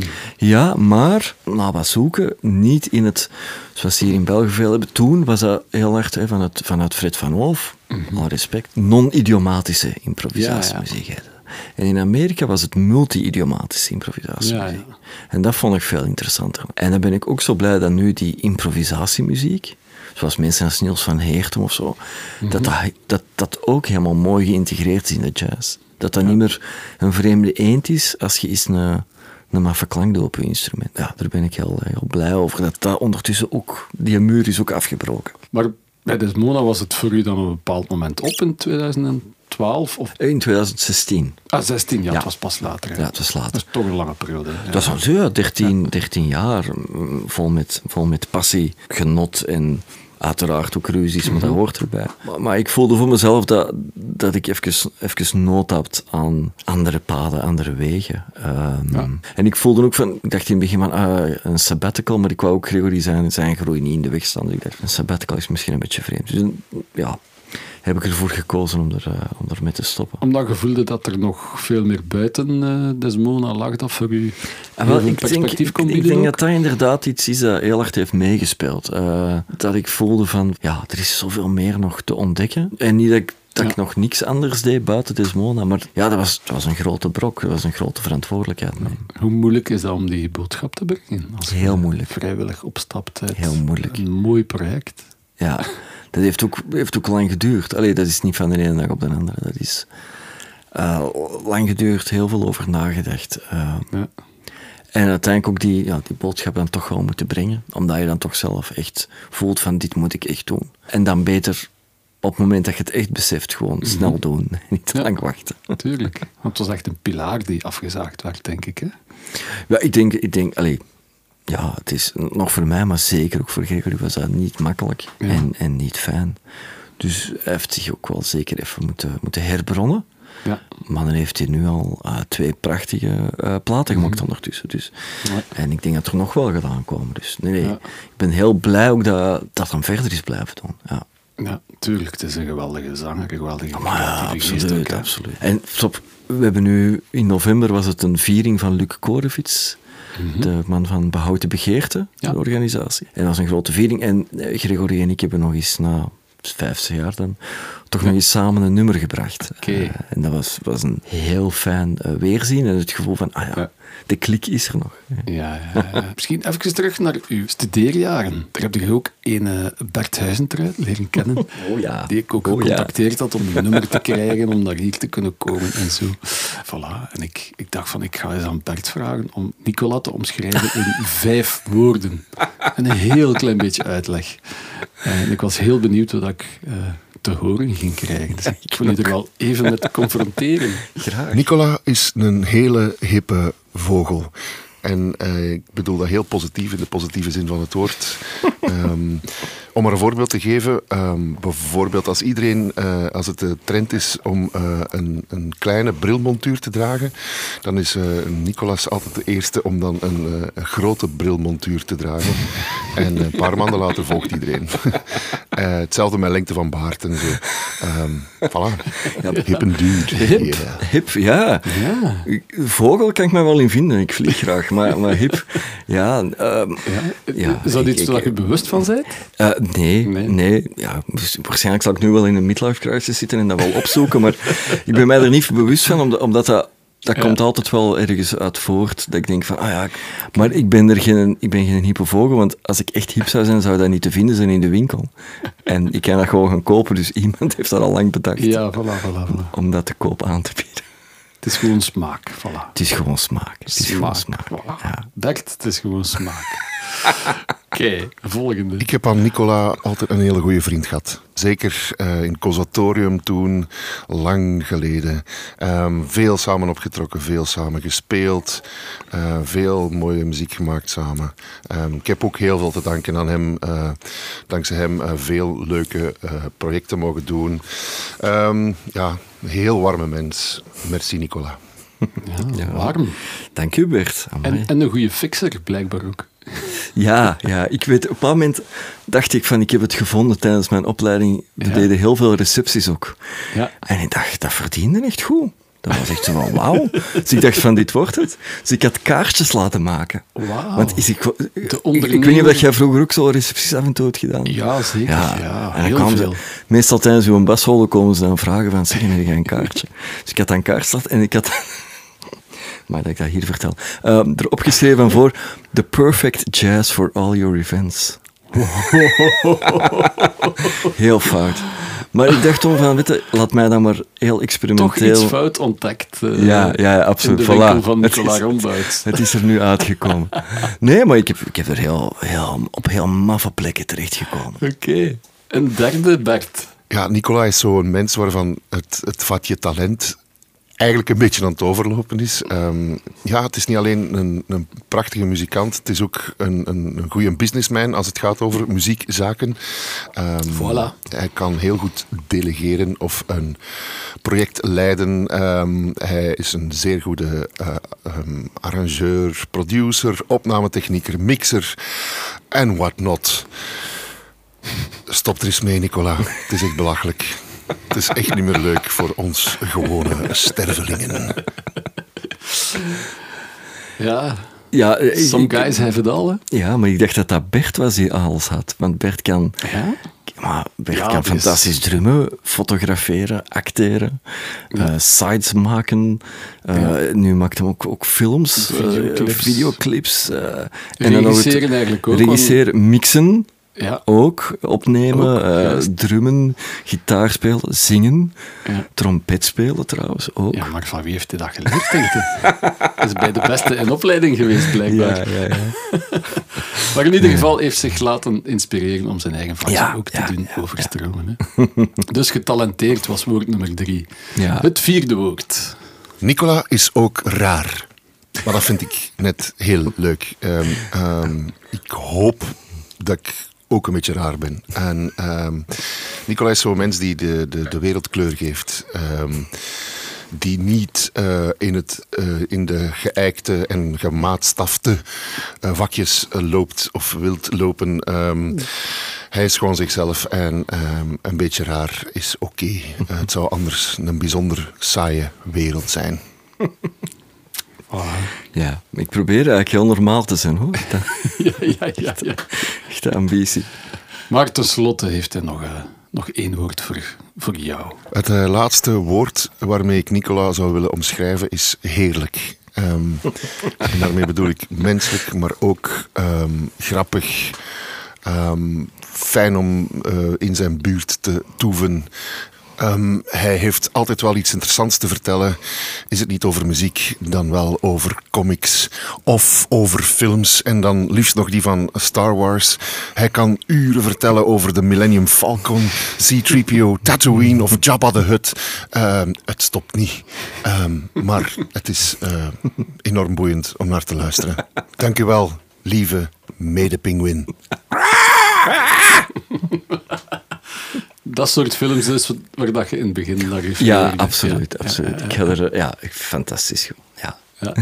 Maar het is fantastisch om te zien dat je eh, als, als bassist, hè, die toch dikwijls als een one-trick pony in de band wordt bekeken, dat je toch ook literatuur, ook films, ook dans, het hele artistieke spectrum zit er bij jou in, in al wat dat je doet. Hè? Ja, ja, absoluut. Ik vind dat... Ik, ik denk als ik, als ik iets vroeger muziek was beginnen spelen, op mijn 18, Ja. conservatorium was begonnen, dan had ik dat niet gehaald. Nee? Nee, dan had ik... Dan had ik, ik, ik, ik had het gevoel dat ik al wel zo'n soort klein parcours had moeten afleggen van andere dingen te ontdekken en te zien, ook via geschiedenis en... Om, om dan voor mezelf muziek een plek te kunnen geven en er op een bepaalde manier eh, meer uit te halen. Of, of iets uit te halen dat ik voor mezelf denk van ja, dat, dat is hetgeen dat ik zoek. Ehm goede dingen en minder... go- Allee, dat, dat, eh, ik had meer kunnen studeren. dat eh, misschien als ik 18 was geweest, dat ik iets gehoorzamer was geweest wat de leraren vroegen. Maar Ja, daarom zijn we bassist geworden. ja, voilà. Nee, maar, maar eh, hoe, hoe begin je in godsnaam te schrijven aan een hedendaags dansspektakel dat muziek nodig heeft? Dan moet je toch een speciale affiniteit ontwikkeld hebben in je jeugd met, met het medium van dans, van, van beeld, van... Hoe is dat erin geslopen? Of kwam dat met de literatuur mee? Want je hebt altijd veel boeken gelezen. Voilà, ik denk dat dat, want dat wou ik eigenlijk net zeggen. Ik weet dat ik op mijn 15 of zo, of ik weet niet, of 14 of 15, in de bibliotheek Sartre dan ontdekte. Mhm. En dat was een, een titel, Het Ik is een ding. En dat vond ik zo fascinerend dat iemand zo'n titel kon verzinnen. Amai. Dus dat waren voor mij zaken, dat, en ik snapte er nog niet veel van, maar dat, zijn, dat, was wel, dat opende de geest, zal ik maar zeggen. Ja. En dan eigenlijk vanaf dat ik, vanaf dat ik 17, 18 of zo naar voorstellingen beginnen gaan en eh, veel theater gaan zien en, en dans. En heel, heel, het, heel het artistieke gebeuren is, is voor mij erg, eh, erg belangrijk. Ik geloof echt dat kunst Ja. heel veel kan betekenen in een maatschappij. Ja, Ja. Zeker. Nog meer dan alleen maar cultuur, want tegenwoordig is kunst en cultuur zo één container. Begrip geworden, maar kunst aan zich is heel belangrijk. Ja. Wat is voor u de, een goed voorbeeld van maatschappelijke waarde, bijvoorbeeld van Maar ik denk, kunst of muziek? Of... ik denk sowieso dat de kunst ehm, een andere blik laat zien op de werkelijkheid. Eh, net zoals filosofie dat ook kan doen. En dat alleen al, die mogelijkheid creëren om iets op een andere manier te bekijken, dat kan al enorm ontzettend veel in beweging brengen. Maar ik geloof ook heel hard in, en nu klinkt wel esoterisch, maar in een soort van energie. Ik denk als je een concert doet, Tuurlijk. waar dat mensen super blij van worden. Ik geloof dan echt zo in de, de theorie van de, van, de, van de butterfly, dat die dat meenemen. Ja. Die gaan vriendelijk zijn tegen iemand anders, die persoon pakt het ook weer mee. Ja. Heel naïef, maar heel belangrijk. Dat is niet zo naïef. De Beastie Boys waren er ook zo van overtuigd. Ja, de bassist ook, met Ja? name. Die zei van letterlijk, eh is helaas overleden, maar zijn overtuiging was van, maakt het grootste verschil in de wereld door gewoon elke dag iets te doen, omdat dat weer invloed heeft op iets anders. Dus je kunt beter iets goed doen, met een goede bedoeling, in de hoop dat dan heel Absoluut. de wereld eigenlijk, en dat is eigenlijk niet, helemaal niet esoterisch, dat is super concreet. Hè? Ja, misschien wel. Het gaat wel. bijvoorbeeld over, oké, we gaan alleen bio-wijn drinken, omdat die mensen die die wijn maken bewuster met ecologie omgaan. Ja. Voilà. Toch al beter dan de zoveelste bulkwijn. Die, eh, Zeker. Ik zeg ook altijd goeiedag tegen de postbode. Ja, Dat vind ik, maar ik vind dat heel belangrijk. en de kuisvrouw. Ja, en de mensen die, de, die op straat aan het keren zijn, zo Ja. af en toe dat ik die gaan bedanken. Ja, Ik vind geweldig. Ja, wat dat Sartre kan doen met een mens, hè. Ja, absoluut. Is Toch een eye-opener, hè. Nee, maar ik denk, ik denk niet dat... ehm, ik denk dat cultuur dat heel erg bepaalt. Daarom dat ik er ook zo'n Ja. ehm, belangrijk voorstander van ben, dat dat zeer aanwezig blijft in de maatschappij. En niet alleen economie. Ja. En hoe moeilijk of hoe makkelijk is het om dan die lijn ook door te trekken als CEO van Caporal Studios, als kleine zelfstandige die ook eh, zijn rekeningen moet betalen en dan toch nog probeert elke dag artistiek zijn, eh, zijn mentale brood ook te verdienen naast het, het financiële. Is dat Eh, moeilijk of is dat een, een mindset? Ik heb het vooral, ik heb het gewoon moeilijk met geld. Dat is, een- dat is een Mhm. beetje het probleem. Ai, op verschillende manieren heb ik het moeilijk met geld. Maar ik heb het, dat is, dat is, dat is het, het, het moeilijkste. Misschien Mhm. dat jij dat soms ook hebt, is van mensen waar je een artistieke band mee hebt, of mee Mhm. werkt, of vrienden zelfs. Hè, want ineens moet ineens over geld beginnen. Ja. Dus dat blijft een hele moeilijke. Dus ik, misschien dat ik soms al veel rijker had kunnen worden, maar ik vind dat, je, dat geld is, is ondergeschikt en je ziet wat dat er Ja. kan en wat dat die persoon kan of de organisatie kan. En dat is eigenlijk net hetzelfde als het grote cliché dat wij met plezier in een café gaan spelen voor 40 euro. En als een cultureel centrum ons wilt boeken, kost dat 300, 350 euro per persoon of wat dat er Ja. op dit moment in die uitkoopsom zit. Eh, en dat is helemaal niet raar. Eh, en het zijn denk ik mensen die buiten die wereld zijn en dan zeggen van ja, maar ja, je gaat daar voor 40 euro spelen en dan... Ja, ja. Hè? Maar dat is helemaal niet. Het, het- de omstandigheden zijn volledig anders. En ik denk, zolang je daar oog voor blijft hebben, kan ik toch dat artistieke en dat, en dat meer commerciële of economische wel, wel, eh, wel samenbrengen. Ja. Want er zijn ook muzikanten die ik al tegengekomen ben en die een hele klaagzang op, optrekken, hè, opentrekken van... ja, ik kan mijn goesting niet doen, want ik moet geld verdienen, ik moet mijn dat is- rekening betalen. eh. Dat is, dat is eh, ja, dat is Is dat een argument voor u? Nee, dat is, dat is, dat is gezever. Ja. Ik, vind, ik vind heel simpel, als je geld wilt verdienen en daarnaast wil de platen maken met twee bakstenen en, een- en, een- en Mhm. een doosje gedroogde bladeren, dan, zoals Zappa zegt, eh, de theorie van Zappa over muziekcompositie is, muziek is het al dan niet bewegen van luchtmoleculen op Voilà. het moment dat jij het laat beginnen en jij stopt. Ja. En om dat te doen, kun je best een job zoeken. Heerlijk. En daar ben ik volledig mee eens. Dus, Ja. dus ik, ik combineer. Ik, ik, ik maak heel graag noise of alternatief of impro, whatever. Ehm, en ik speel evenveel, met evenveel passie bij Giro Balcanto. Ja. Dat zijn, voor mij zijn dat eigenlijk geen... Oei, nu gaan we veel dingen door elkaar doen. Maar Nee, ehm, doe gerust. Kijk, muziek is heel simpel in te zien dat eh, muziek heeft allemaal parameters. Tempo, frasering, al die parameters. En je kunt al die parameters uittrekken. Dat zijn allemaal rekkers, elastiek.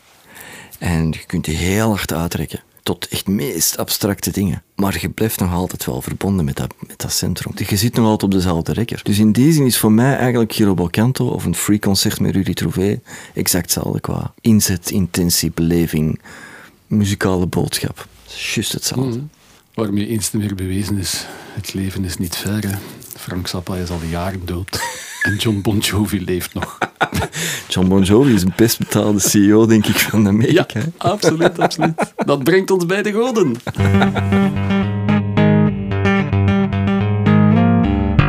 Oh my god. John Bon Jovi hebben we al doorgespoeld met een goed glas Chablis. Ik zou misschien nog een beetje bijschenken, hè. Dank u. Maar eh, oké, op, op basvlak, laat ons eerst daar beginnen, want het is al duidelijk dat we hier meer dan een bassist voor ons hebben. Hè. Wie is God? Eh, Charlie Hayden, Charlie Hayden. Ja. heerlijk. sowieso. Ja. Helaas niet meer onder ons. Maar voor mij de essentie wat een, wat een bassist kan, eh, kan zijn. Absoluut. Alle vlak. Ja, op alle vlak. Iemand die ook in interviews vertelde van dat hij eerst een gig met Ornette Coleman speelde en daarna naar een jam ging en even All the Things You Are speelde en dat iedereen verbaasd was. Oh, dat, kun je, dat kan jij ook. Iemand die evenveel kon zeggen bij één noot dan met honderd noten. Ik, denk, ik denk zijn projectie, zijn kracht, zijn intentie. Van hem heb ik echt geleerd, of ben ik nog altijd aan het leren, dat elke noot even belangrijk is. Hoe dat je ze speelt. Ik weet niet hoe dat hem als mens was, dat, dat weet ik niet. Ik heb ook nog geen enkele plaat van hem gehoord ik denk van, oh, dat is wat minder. En zelfs bijvoorbeeld, eh, eh, ik denk Jasmine heet die, een van de laatste platen van hem en Keith Jarrett. Dat ze over een periode van een aantal jaar bij Keith Jarrett thuis hebben opgenomen. Dat ook een van de, zo gezegd, de laatste platen is van Keith Jarrett. Maar het is eigenlijk vooral Charlie Hayden die schittert. Ja. Ehm, hij heeft ook platen gemaakt met Hank Jones, twee platen. Wanneer ze gospel Wow. spelen met twee. Gospel. Ja, oh, Ah, die moet ik nog eens checken. on, ongelooflijk. Ja. Ook qua klank. Ook iemand die durfde zijn bas gewoon te versterken. Het zijn veel de Montreal tapes en zo. zijn platen Mm. Ja. waar je echt hoort, je hoort gewoon een DI. Ja. Eh, maar hij speelt ook heel mooi mee. ja. En negeert dat niet. Ik kon ongelooflijk andere muzikanten ook nog beter laten klinken. Hè? Ja, ja, absoluut. Absoluut. Dat is een heel dienend zonder zichzelf weg te cijferen. Is dat eigenlijk denk ik ook niet toevallig altijd in de meest smaakvolle projecten van de... Als ik denk aan Pat Metheny of zo, Beyond the Missouri Sky. Als je dan naast bepaalde soloplaten van Pat Metheny legt, denk je van... Oh, Ja, ja. wat dat in eh, Charlie Hayden doet, is plots super smaakvol. En dan Ja, ja, sommige dingen weer niet. Ik, ik, Charlie Hayden is ook iemand die bij heel vrije tempo's toch enorm hard een puls kon blijven houden. Ja. Er was geen ritme meer, maar de puls bleef enorm, enorm hard bewaard. Daar was hij ook heel goed in. Energie eigenlijk, hè. Ja, ja absoluut. absoluut. Energie, energie draaiende houden. Ja, Dat is heel- een beetje de kunst, hè? Ja, fijn. Normaal is het antwoord altijd op deze vraag. Goh, dat is de moeilijkste vraag ter wereld. En ze kunnen niet op één naam komen, ze noemen er tien. Maar hier duidelijk, Charlie Hayden is Ja, God. ja, zeker. Absoluut. En wat komt er dan in de buurt? eh? Ja, ik heb, ik heb voor mij ja, Peter Kowald of, of Charles Mingus zijn wel twee ja, hele grote ja, natuurlijk. links zeker. Ja, Ook door de ja. composities natuurlijk. Ja, ja, ja, absoluut. Absoluut niet onderschatten. Ehm, eh, hoe heet hem nou? Kevin Bryars, ook een, een Hmm. Groot ook componist, compositorisch gewijs, ook zeer, zeer, interessant. Eh, Fernando Grillo, Ken ik is een niet. Italiaans of Spaans, ben ik vergeten, eh, contrabassist, volledig gespecialiseerd in, in alternatieve technieken op contrabas. Maar op, op een meesterlijke, meesterlijke Ja, wijze. Is ja. dat dan Peter Jacquemin geweest? Met Dat eh, dat andere Peter- voorwerpen op uw snaren beginnen Ja, Peter en, eh, Jacquemin in, in het kwadraat. Een- een beheersing en een controle en Ja. Ja, werelden verbinden met elkaar. Heel, eh, Ja. heel straf, heel straf. Ja, en basgitaar, ja, in de jaren negentig natuurlijk Les Claypool, waar je niet om, omheen kon. Ook weer al die energie, die, die nummers, die ah, vond ik wel fantastisch. Ook, ook- Want van de Beatles naar Les Claypool is wel een, een heel eindje wandelen. ja, hoewel de energie van Paul McCartney Ja, wel, wel zeer aanstekelijk is. Ja, en Les is ook zwaar. hè. McCartney van natuurlijk. Ah, echt waar? Ja, Ah, absoluut. dat wist ik niet. Maar het feit dat ik hem nu niet misschien direct bij in de top 5 steek, is, Ja. is omdat er voor mij zo, eh, dat is de muzikant met de grote M. Ja. Ik zie die niet zuiver als bassist. ja, ik denk dat Paul eigenlijk de enige bassist is aan wie dat je kunt horen aan zijn baslijnen, die dan zo simpel en efficiënt zijn, dat het zo'n grote muzikant is. Ja, ik gebruik dat toch heel veel als, eh, als voorbeeld en als, als opdracht ook om, om lijnen te schrijven die functioneel zijn, maar ook sterk melodisch. En een bassist van Wilco, maar ik Ja. kan zijn naam nu even niet, niet zeggen, eh, is ook zo iemand, vind ik. Mhm. Heel melodisch op de momenten dat het ertoe doet. Of Ja. dat, de, dat de ruimte er is om het te doen. En dat is, dat is bij Charlie Hayden ook. Ik denk dat dat voor mij iets heel belangrijk is. Is dat je, dat je de moment kiest waarop dat er iets kan gebeuren. Ook al is dat maar één keer op een heel concert. Ja. Maar dat is veel belangrijker dan, dan heel een tijd heel knappe dingen. Het gaat ook ergens over die reserve.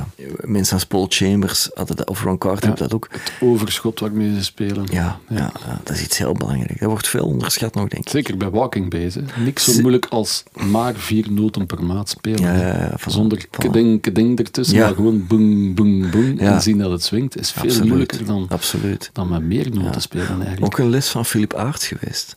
Drop ik the wel. ghost notes. Ja. Gewoon. En Charlie Hayden. Ja. Charlie Hayden speelde heel weinig met al die tussen Ja. eh, dingetjes. En dan worden het echt statements. En dan wordt het ook melodisch veel, veel interessanter. Daarom, ik moet, dat is misschien een gevaarlijke uitspraak op deze podcast, maar ik moet soms een beetje wennen aan, aan, aan eh, wat nu iedereen fantastisch hip vindt, is, is zo full of pack. En dat Ja, is heel ja. knap, hè? Ik, Absoluut. miljoen keer respect voor. Ik zou het ook absoluut niet kunnen. Maar ja, soms, soms kan het mij niet helemaal bekoren. Ja, ja, ja. Ik, ja, ik snap Dan bedoelt. glijdt het een beetje van mij af. Zo. Het is zo... Maar de, de humor en de relativiteit die dan weer in de stijloefeningen zit, Ja. die ze een beetje componeren, maakt wel heel veel goed. Mm, Tegenover zeker alle zo, andere internetgoden die ziekelijk makend zijn eigenlijk. Ja, dat is wel. Ja, Maar dat mocht je als, als prof van de gasten op een hogeschool niet zeggen, want die vinden het allemaal supercool, dus je moet er wel een beetje in mee. hè. Ah, nee, maar nee, Nee? nee, nee, nee, nee. Ik zet dan expres Johnny Doubt op. Oké. Ja. Ah, ik durf dat niet. Oh, ik jawel. altijd van, ah, die gasten hebben nu, zijn nu gepassioneerd door iemand, al is het Mohini Day. ik zal Ja, nog even een paar of- weken meegaan. Of Mono Neon. Ja, of, ja, en dan, dan trekken Ja. ze wel weer op, Ja. op de grond. Nee, nee, maar ik ga, nee, nee, ik ga zeker niet zeggen dat dat niet ze... direct counteren. Zo. Maar ik, ik ga ook niet direct counteren van dat mode niet doen of dat is niet goed, Ja. whatever. Nee, nee, absoluut niet. Maar ik probeer toch altijd wel redelijk snel te laten zien van die, die voor mij dan toch grote virtuositeit en perfectie, Mhm. die, die wel die reserve kan creëren, want dat is belangrijk, Ja. is een middel en geen doel. En dan zet ik heel slechte muziek op. Of heel slecht gespeelde muziek die wel fantastisch is. R.L. Burnside of zo. Eh, die dan wel ontzettend groove, maar wel op een valse gitaar. Ehm, En gaan ze daar dan direct mee? Nee, Nee. nee, zeker niet. Ik kan, ik kan het alleen maar tonen en, en, en misschien als ze binnen vijf jaar denken van, wacht eens even. Die eh, hippe, rare vogel had toch misschien wel ergens een beetje gelijk. Ja. Dus dat, ja, meer kunnen we soms ook niet doen. Hè. Nee, nee, nee. nee, nee. Gewoon tonen en zien we dat er... Het met de bond zonder naam te zeggen. Een leraar kan de deur openzetten, maar de student moet er doorwandelen. Ja, voilà, absoluut. Zijn we daar beland? Ah, kom.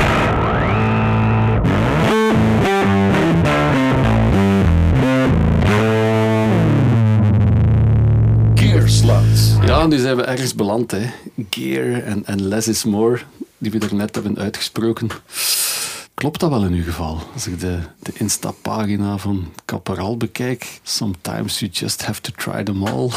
dan zie ik heel veel basgitaar en op de Ah, ja. achtergrond veel Urij compressors, Neve preamps en een console uit de jaren stilletjes en micro's. Dat is allemaal, ka- dat is allemaal De gebraden U47's vliegen in uw mond is Studio Caparal, denk ik. Ja, nee, het is allemaal karton, hè. Het is allemaal van karton. Oké. Ja, dat is een, een, ehm, een passie die eh, op een bepaald moment ontstaan is. Daarvoor was het het Mackie Mengpaneel en die wetende hoe dat je iets Ja. moest doen. Maar je, je werkte ermee, dus je leerde ook veel Ja. kennen. Eh, maar dan op een bepaald moment, eh, een eerste keer in ICP. En we gingen op Het grote magazijn. het grote magazijn en we gingen op tape werken en we, en, en we werkten met een prachtige producer, Paul Webb, bassist van Talk Ah, Talk. Van, van Talk Talk, juist. Jullie hebben ermee gewerkt Ja, met ja, zeer, zeer straf. Zeer straf. Was dat ook een allround muzikant en niet Ja, zozeer een bassist dan, aangezien dat hij producer was? Absoluut. Hij, hij- hij noemt zichzelf altijd producer by default. Oké, goede insteek. Ja, ja, ik vond het ook altijd wel interessant. Ja. Nee, nee, hij was toen met die, of hij had die plaat al af, hij had die plaat van Bad Gibbons Out of Season al gemaakt, onder de Ja, naam Rustin Man. En zo hebben we die dan eigenlijk gaan opzoeken, want Gregory en ik vonden die plaat fantastisch. Dus en het is eigenlijk via hem dat die, dat die interesse is begonnen en dat dat een obsessie is geworden. Ja. En na heel die procedure en heel dat proces dacht ik van ja, oké, ik wil thuis verder doen. En het was dan ook zo, we moesten nog vocals extra gaan opnemen. Dan dacht ik van laten we dan maar ineens te goed materiaal kopen. Want ik had niet het gevoel... Materiaal. Ja, toen, nog, toen was er nog wel een nieuw preamp en dan een nieuwe. Nog geen oude. Maar ik dacht van, ik ga nu niet, met alle respect voor de merken, een Presonus Presonus kopen. want Dat voelde als een stap terug. Want ik van een ICP. tuurlijk. Ja. En ik had gehoord hoe dat, hoe dat de hemel kan klinken. En ik dacht van, die hemel wil ik, die wil ik altijd hebben. Ja. Eh, en zo is dat eigenlijk begonnen. Ik heb daar eh, ja, nee, veel geld in geïnvesteerd. Maar, dat is nu ondertussen ook al wel tien jaar geleden. Mhm. Die prijs is echt gigantisch gestegen. Meer als een spaarboekje. Hè. Ja, ja. Het is, het is, Sowieso. nu, soms denk ik ook wel dat de computers zo sterk gaan worden dat het uiteindelijk toch allemaal, allemaal gewoon eh, oud, oud ijzer gaat worden en niet meer Ja? Zou dat helemaal kunnen doen? Want nu, er is toch nog... ey, het is heel straf allemaal, Mhm, digitaal, maar het is toch ook nog altijd heel straf hoe dat die oude bakken... Absoluut. Ja, maar ik, een beetje onderuit nog altijd zeer Ja, goed stand houden. zeker, zeker. Ik vind dat je het echt kan, kan horen als je, als je kan AB'en. Hè. Als je niet AB't, Mhm. maakt het eigenlijk niet uit. Maar is het, is het 3D gegeven in de muziek? De diepte? Ja.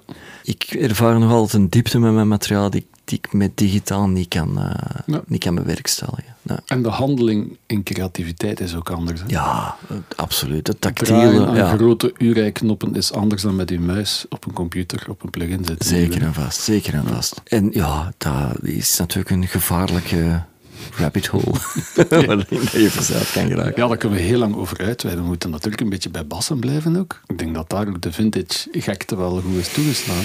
Ja, ja. Een keer of tien zien spelen, altijd weer met de echte oude Rickenbacker, de echte oude Fender, de echte oude de Harmony Bass. Fantastisch basje. Ja, ja, absoluut. En dan nog eens de fliptop van Ampeg. Ja. Ook de oude, geen Heritage, nieuwe. Is dat omdat je ook de hemel wil dan? Maar ik ben, er, ik ben er zeker niet obsessief in. Het is niet, Mhm. ik, ik weet niet het jaartal van mijn Fender Jazz was, daar weet ik geen jaartal Mhm. van. Ik weet dat, het, dat de twee delen niet van hetzelfde jaartal zijn. Het, het moet toch vooral klikken, want ik heb, ik heb ook wel een oude Hofner. Ergens van de jaar, ik weet ook niet exact, maar ik kon die dan goedkoop krijgen omdat eigenlijk alle lak eraf was en van die Ja. dingen. En dan maakt mij dat eigenlijk helemaal niks uit. Dus ik ben zeker niet geobsedeerd van, oei, het zijn niet de juiste stemsleutels erop. Of, Het is niet de collectors eh vibe. Nee, nee, dat niet. Het, player, moet- het, het, het ja. moet gewoon juist aanvoelen van dit. Ja, zoals, eh, die Harmony Bass heeft een heel fijne klank, maar is zeker puur technisch gezien niet de meest proper, beste Nee, af- afstelbare bas dat je Beetje kunt slecht gemaakt zelfs. Hè? Ja, ja, voilà, tuurlijk. Ja, ja, De absoluut. bridge en zo, dat stelt niet veel voor. Hè? Nee, nee, verre van. Ja, als ik dan hier zo eh, Music Man of denk van, ja, dat is, dat is wel een andere categorie van kwaliteit ook gewoon. Ja, een andere vibe ook. Hè? Ja. Eh, Ja, maar ik heb onlangs, oh, hoe heet hem nu vooral, hier in het Gent woont zo'n legendarisch. eh, de- George. George, maar dat is mijn ambt. Als we dat mogen daar een zeggen. flip, de flip op Ja, gekocht? ja, Ah, ja, ik heb getwijfeld. Ja, ja, ik hij had er nog twee staan. Ah, ik Ja. had er nog twee Ik staan bij mij ook. Telecaster bas gekocht van 68. Oh, maar ja. Komt van bij Georgeske Ah, die Braken komt- van de ja, Vipers. ja, van de Vipers, hè, ja. Ja, ja. Hij heeft toen zijn bas Mhm. eh, even aan mij gegeven. En dat is een oude Music Man, Ja, denk ik. die bruine. Oh, man. Ik denk niet dat ik ooit al op zo'n goede bas heb gespeeld. Ja, dat was het, pre-Ernie Ball, echte Echt. nog. Hè. Ja. ja, dat was wel van, oké. Ja, maar die verkoop ik niet. ja, ja, spijtig. Hè. Ja. Maar tegelijkertijd nu, bijvoorbeeld mijn, mijn, mijn fliptop, die Mhm. ik doodgraag zie, heb ik wat besloten om wat in de studio te houden, wegens toch iets te fragiel. Ah, ja, toch. Ja, ja eh, dus ik heb nu eigenlijk een ehm, hele moderne Amtech Rocket Bass gekocht. Dat werkt. Dat. Ja. doet dat doet hetgeen wat ik wil dat doen. En hebben we dan Ehm. geen zin om eerder met een goede simulatie van de fliptop te spelen? Eh. Sansamp heeft er goede, de Line 6 heeft er goede. Ja, daar ben ik dan eigenlijk... uh, iets te veel uh, guerrilla voor. In de, in de zin dat ik, ja, dat is moeilijk uit te leggen, want ik, wil, ik neem altijd een beetje het voorbeeld, voorbeeld van Ornette Coleman, die uh, eigenlijk in het begin een saxofoon had met stukken plastic erin, een soort studiesaxofoon. En die is dat altijd blijven gebruiken. En die heeft altijd zoiets gehad van, met de klank dat ik wil, ik krijg dat wel uit dat instrument. En, en dat is iets waar ik ergens in geloof, van de klank zit in uw hoofd. of in, in uw vingers, maar het begint, het begint ergens in uw hoofd. In uw en dan zorg ik er wel voor dat ik dat ongeveer uiteen verzet. En uiteraard vind ik als je ze naast elkaar gaat zetten, ga je zeggen, ja, tuurlijk, de fliptop is beter. Maar in zo'n grote, versterkte context en alles erop en eraan. Die een amteken dat ik nu heb, die is licht, die is ja. niet fragiel, die werkt goed. Er komen geen lampen los. komen geen lampen los. Hij heeft alleen, de DI is alleen post, dat is wel jammer. Ah, ja, en niet pre. Maar uh, nee, van die emulatie, ik vind dat super interessant. Ik heb ook wel een Sansamp DI, dat, dat, dat ik vind dat wel knap, mensen die daar, allez, ik denk zoals jij zei, mhm. terecht, qua basklank of zo nog veel meer bedreven in en veel uh, ja, je kunt die veel beter onderscheiden ook allemaal, denk ik, er veel meer. Ja, je leert pas op het moment dat je die simulaties hebt, vind ik. Ja, Want ik ja. had ervoor ook analoog gewoon de, de oude Fender Basman. En dan is het even hard wennen als je dan plots op een fliptop zit. Dan, ja, ja, Het is een ander concept. Ja. Met de simulatie is het één knopje naar rechts draaien en je zit in de volgende versterker. En dan hoort je echt wel wat het doet. Ja. En dan snap je ook analoog van, ah, oké, het een is wat robuuster, het ander is wat fijner. Dat is waar, dat is waar, ja. En dan is, zit je in die wormhole. de digitale wormhole. Ja. maar heb jij, heb jij dan een laptop mee op podium voor je nee, dat ga ik nee, niet doen. Nee, dat vind ik eigenlijk nee, nee. Dat vind ik een beetje smakeloos. Van, het zijn dus gewoon nog altijd pedaaltjes. Dat is iets van Muse die dan zo de iPad op zijn basgitaar ingebouwd is. Zodat, Echt? Daar kan ik echt niet bij. Nee, nee, nee het moet, uh, moet, moet, toch een pedaaltje zijn. Zo, maar, uh. ja, ja. maar leuk, ja. Ik dacht van, een echte vintage freak gaat hier een pleidooi afsteken. Dan, nee, fuck digital. Nee, alles, alles is, op dat vlak, nogmaals, alles is middel. Ik gebruik even ook plugins uh, in, in, in, als ik aan het mixen ben. Ja. Tuurlijk. En de contrabas, die is natuurlijk moeilijk uit een doosje te halen. Hè? Ja, dat Moet blijft... dat dan ook een echte oude, origineel door een bouwer? Of nee, nee want, want die, mijn, mijn, mijn contrabas is een bohemer, maar die heeft geen, mm. uh, geen label, is niet van een bepaalde meester. Ja. Het is ook een oud beestje, precies. Ja, ja zo kleine 100 jaar, begin 20e oh, eeuw. Maar. Dus heeft dat wel wat meegemaakt. Wat ik ook direct fascinerend vind, denk van ja, waar was die in mm. Wereldoorlog 1 of 2? Ja, of stond die overleefd. Hè? Ja, voilà. ja, toch? Bij de Duitsers in de bunker waarschijnlijk. van Bohemen. Van Bohemen. Wel zo ver. Ja, nee, voilà, het zal daar wel ergens staan. maar er zijn even heel goede uh, nieuw gebouwde contrabassen. Ja, het moet wel volhoud zijn. Denk ik daar dan ja, wel, wel specifiek. Massief. Ja, ja, ja, dat, absoluut. Maar we hadden het al over Charlie Hayden, die soms ook gewoon durft gewoon door de DI als de situatie zo is. Ja. Is dat voor jou ook zo? Ja, absoluut. Want je bent in mijn spook ook aan het experimenteren met heel veel pedalen. Dus Ja. dan, dan moet je Ja. sowieso door de DI gaan. Hè. Ja, voilà. Heeft lang, door de pick-up eigenlijk. ja, ja, heeft lang geduurd. Allee, lang geduurd. Ik wil zeggen, in het begin met de contrabas, pedalen heeft lang geduurd. Ja. Omdat, omdat, zeker in de vrije improvisatiemuziek en met strijkstok kon ik eigenlijk alle klanken dat ik wilde er wel uitkrijgen. Eh, en dan natuurlijk door met Desmona meer versterkte concerten te gaan doen. De, de DI, maar ook daar... Ik heb denk ik het geluk gehad van, van onmiddellijk de klik te hebben van het juiste element op de contrabas te vinden. Want het is niet het duurste element dat erop Nee, zit. nee, het is de, de- ja, Underwood. Underwood. Is dat niet Shadow? Shadow, ja. Ik ken Shadow, maar ik heb er nog nooit een goede van gevonden eigenlijk. Ah ja. Maar Underwood is spotgoedkoop. En eigenlijk ja, Ja. geen straffe pick-up, maar als die bij Nee, maar bas die, past, is dat super. Hè? die werkt. Die is zeer feedback ongevoelig. Dus Ja. dat er, De mijne ook. ja, oké, voilà. Mijn bas geeft ook zo even fijne frequenties niet weer. Dus Ah, Wel, en, da- en dat is gewoon het ding. Ik kan mij inbeelden dat een realist of zo meer houtklank gaat weergeven. Nogmaals, in de context waarin dat ik speel op die momenten, heb ik zoiets. Ja, niet nodig. Eh, het, het karakter op die moment is niet per se de houtklank, Ja. maar eerder de manier van spelen, Mhm. eh, die veel belangrijker is. En studio, terwijl dat we de CEO van Caporal voor ons hebben. Hoe neemt je uw contrabas op in jouw studio? Als het echt alleen is, dan... Goh, ik ben nu weer wat terug aan het zoeken. Ik heb nu onlangs Sony C38 microfoon. Dat was het Japanse antwoord op de U47 FET. Ja. Dus dat heb ik nu wat gebruikt. Ervoor de U67. Eh, maar die heeft dan soms in dat mid niet geen wat ik zocht. Ja. Om dat te doen. R44. RCA R44. Of ah ja, allee, wat, je- wat je hebt. Werkt ook heel goed, maar in, soms in context een M160. Mhm. Een helemaal niet zo dure Bayer Dynamic M160 Ja. cardioïde ribbon microfoon. Zwaar onderschat en kost onder de 400 euro. Ja. Werkt super. Of is er een vaste positie waarvan dat je weet, dit werkt altijd om mijn micro te plaatsen voor mijn contrabas? Ja, vlak voor de cam, Ja, centraal ervoor. centraal, ja, ja. Vroeger dacht ik van, ah, het moet dan voor de klankgat. Ja. Maar dan vind ik dat je toch definitie mist. Ja, het is heel boomy dan, hè? Ja, ja. Ja. dus vlak ervoor. En als het kan, liefst mi- minstens eh, eh, 30 centimeter of, of meer zelfs afstand. Eh allee, Om de luchtverplaatsing eigenlijk mee Ja, te ja, vullen. ja. In theorie zouden 7 meter nodig hebben voor een volledige baswave van 50 hertz, eh, denk ik, te Oké, krijgen. Maar ja, gaan we zo technisch. die lengte, die lengte is er niet. Maar dat is Zeker niet in deze niet- studio voor de famous last notes. Maar, maar, 7 meter leven zit ik in mijn keuken. Ja, ja. Externe garage. Nee, maar ah, nee, dat is ook niet per se nodig. Maar, maar het is ehm, toch die lucht. Dat, dat, dat is iets dat ik nu veel mee opname doe. Is, is, is eh, de ruimte en de lucht dat je mee kunt Ja. creëren, is heel belangrijk. Close miking, ik ben daar meer en meer van aan het afstappen ook terug. Ja. Je moet de energie kunnen capteren eigenlijk. Hè? Ja, ja, Zeker met akoestische instrumenten. Ja. Dat brengt ons al bij de goede raad. We krijgen hier al tips eigenlijk. Hop, naar het volgende item.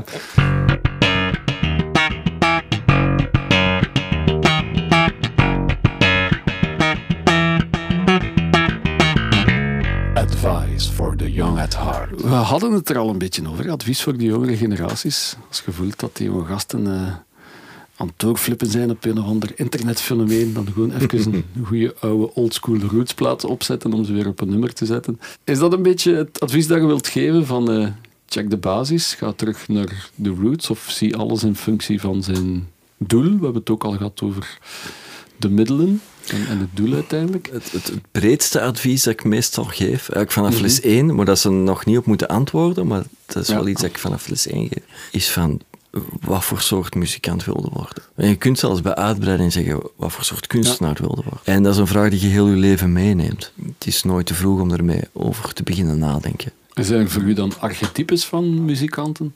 Zappa? Oké. Ja, die wil ik ook wel worden. Ik ben nog even bezig. Nee, of, of- of- wat bedoel je met, met, Bijvoorbeeld, eh, je verwacht dan als antwoord van je studenten van ja, ik wil een broodspeler worden die overal functioneert. Tuurlijk, Of ja. ik wil iemand die artistiek gaat creëren, Ja, of iemand die ja, in een band ook. Eh, dat, dat is zeker dat is, het- dat is het beginpunt. Dat ze dat al voor zichzelf langzaamaan kunnen beginnen ont, ontwarren. Dat eh, op, op die momenten ook, ook techniek en inspiratie of techniek en creatie samen kunnen lopen, elkaar kunnen versterken, elkaar kunnen inspireren. Wat je, wat je net zegt van die roots of van die traditie, eh, die is absoluut belangrijk. Al is het maar om te ontdekken ja, hoeveel keer dat iets ook al herhaald is in een andere vorm. Allee, dat, dat, als we het dan over blues hebben, dan doe ik ook altijd John Spencer. Blues Explosion komt er ook altijd wel bij. Maar zelfs Sonic Youth eh, heeft, heeft wel nummers waar er een soort van, van, Ja. van blues-idee in zit of schema. Of whatever. maar waar ik ze altijd nou, waarschuw is misschien een groot woord, is van wees voorzichtig met stijloefening. Dat, dat Om is daar echt, niet in, zich niet in te verliezen eigenlijk.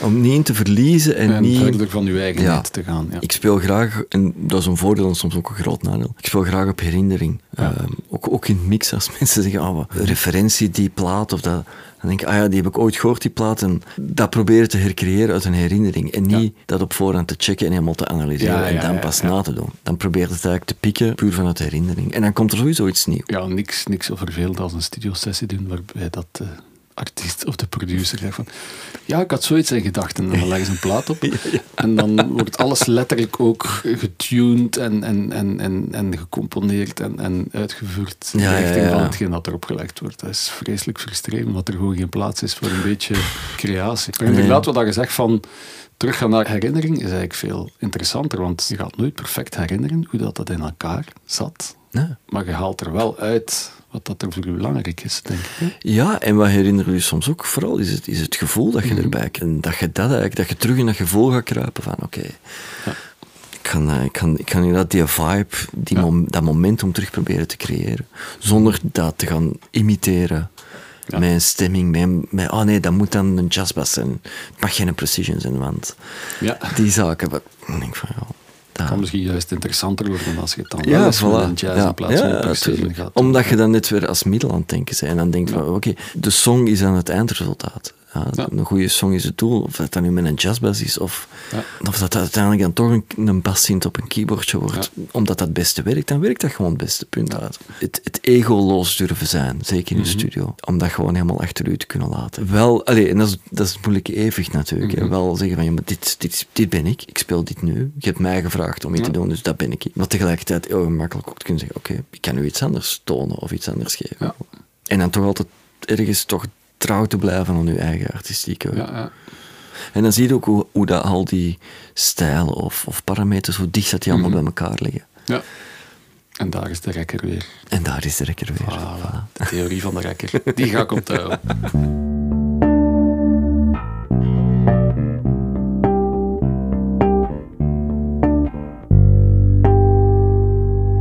Famous last notes. De allerlaatste noten. Stel dat je nog vijf minuten te leven had. Of iets langer. Zou er dan muziek gespeeld worden? Ehm, Als je er toe in staat bent, natuurlijk. misschien niet per se met een bas, maar wel... Ja. Ja, muziek zal er wel ergens aan te pas komen. Ja. Ik denk dat er dan gewoon het volle borst een lied gezongen wordt. Welk lied dan? Ik, ik denk nu spontaan aan Sesamstraat, maar Ja, wauw. Ja. Ik heb dat nog gespeeld op mijn eindexamen. echt waar? Ah, respect. Op contrabas solo. ja, de jury was daar zeer verdeeld over. Maar eh, Ach, maar dat is toch zo absurd met die juries. ik voelde gewoon dat ik het moest doen. Ja, maar ja, voilà. Maar ik had mijn afstudeerproject ook en ik had, een, een, een, ik had aan Gregory gevraagd om... Ja. We hadden samen een nummer gemaakt en dat heette I Lost My Power For You, Oh Lord. en dat was do groot en fa groot. Dus op een moment... En ik speel gewoon een do en dan een fa.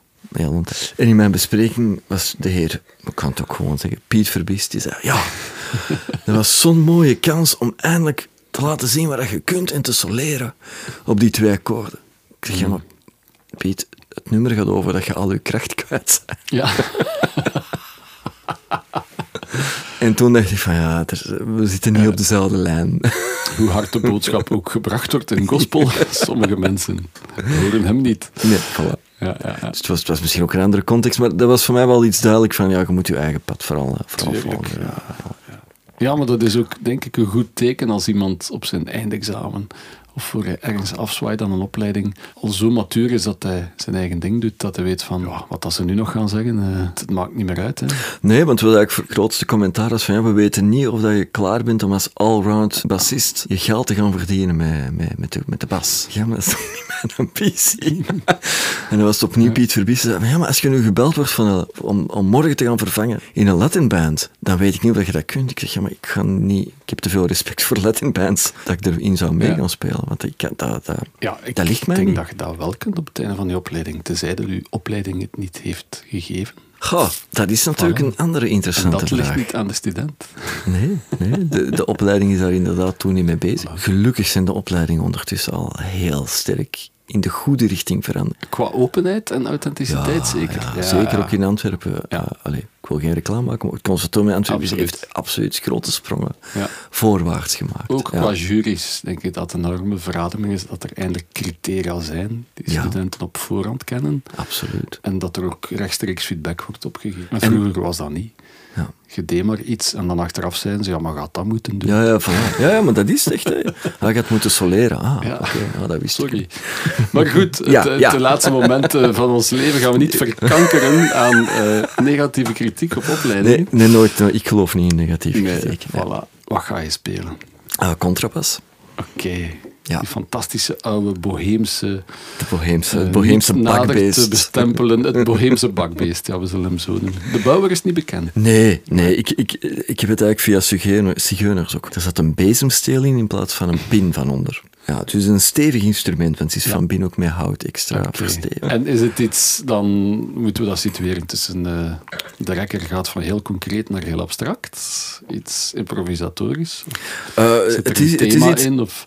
nee, het zal iets improvisatorisch Mhm. zijn, maar ik voel mij op dit moment eerder, eerder in het concretere eh, veld. Oké. Ehm, En heeft het ook een titel of komt die achteraf? oei, Als het, eh, eh, eh, ehm, ik moet dat op YouTube een, een, een naam geven. Hè? ah, echt waar? Mm, Nicola Rombouts plays ik, foh, dat vind ik wel heel moeilijk. My Life Back in the Days of Penguin Trio. dat gaan Bert en Voilà, noem het gewoon de Small Penguin. De Small Penguin. De Small Penguin. En daar plaatsen we op het einde dan nog Bert zijn Penguin. Ah, wel, voilà, voilà die, mag, er- die doen. mag er Ja. zeker nog eens bij komen. ja, dat gaan we doen. Gaan we fixen. Hij fix it in de mix. Ah, wel, voilà. Oké, Nicola, laat u gaan. Oké, merci.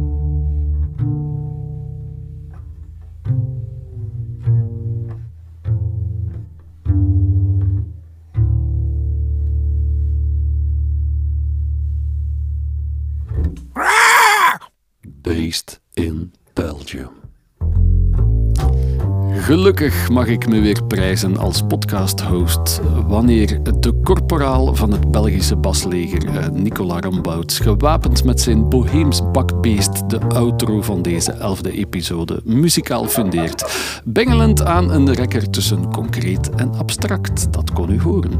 Check zeker ons YouTube-kanaal Based in Belgium om met beeld erbij te ervaren hoe Nicola met datzelfde geliefde instrument zijn famous last note hier in Studio Le Garage liet weergalmen. Ben je ook fan van de Franse Bourgogne en zijn witte wijnen? Surf dan zeker naar vitis.vin om dat fris glas Chardonnay uit Chablis dat Bernard van de Baar besprak verder te onderzoeken. Ik onthoud uit mijn ontmoeting met de meester basknutselaar uit Antwerpen dat bij het maken van muziek de eeuwigheid relatief is. Dat melodie en baslijn de basis van alle muziekvormen is.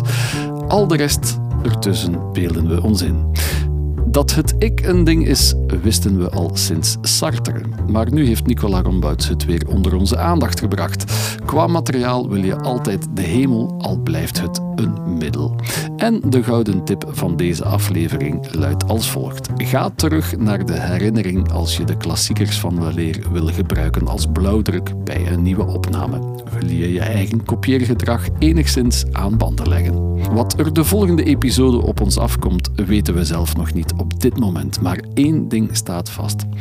Hoe dieper we in de wondere terroirs van de Belgische baswereld graven, op des te meer schatten aan informatie en anekdotes we daar nog kunnen opgraven. In afwachting en bij het terugdenken aan deze razend interessante episode is mijn dank groot aan het adres van Bas Dubbelaar Nicola Rombouts met zijn authentieke inbreng als basgast. Merci ook aan Bernard van de Baar en uiteindelijk bestaat dit alles niet zonder jij daar, luisteraar. Dank u wel, stay low en stay tuned. Voilà, de elastiek is volledig Doorgetrokken. Dag zien, Nicola. Geweldig dat je maakt. Based in Belgium.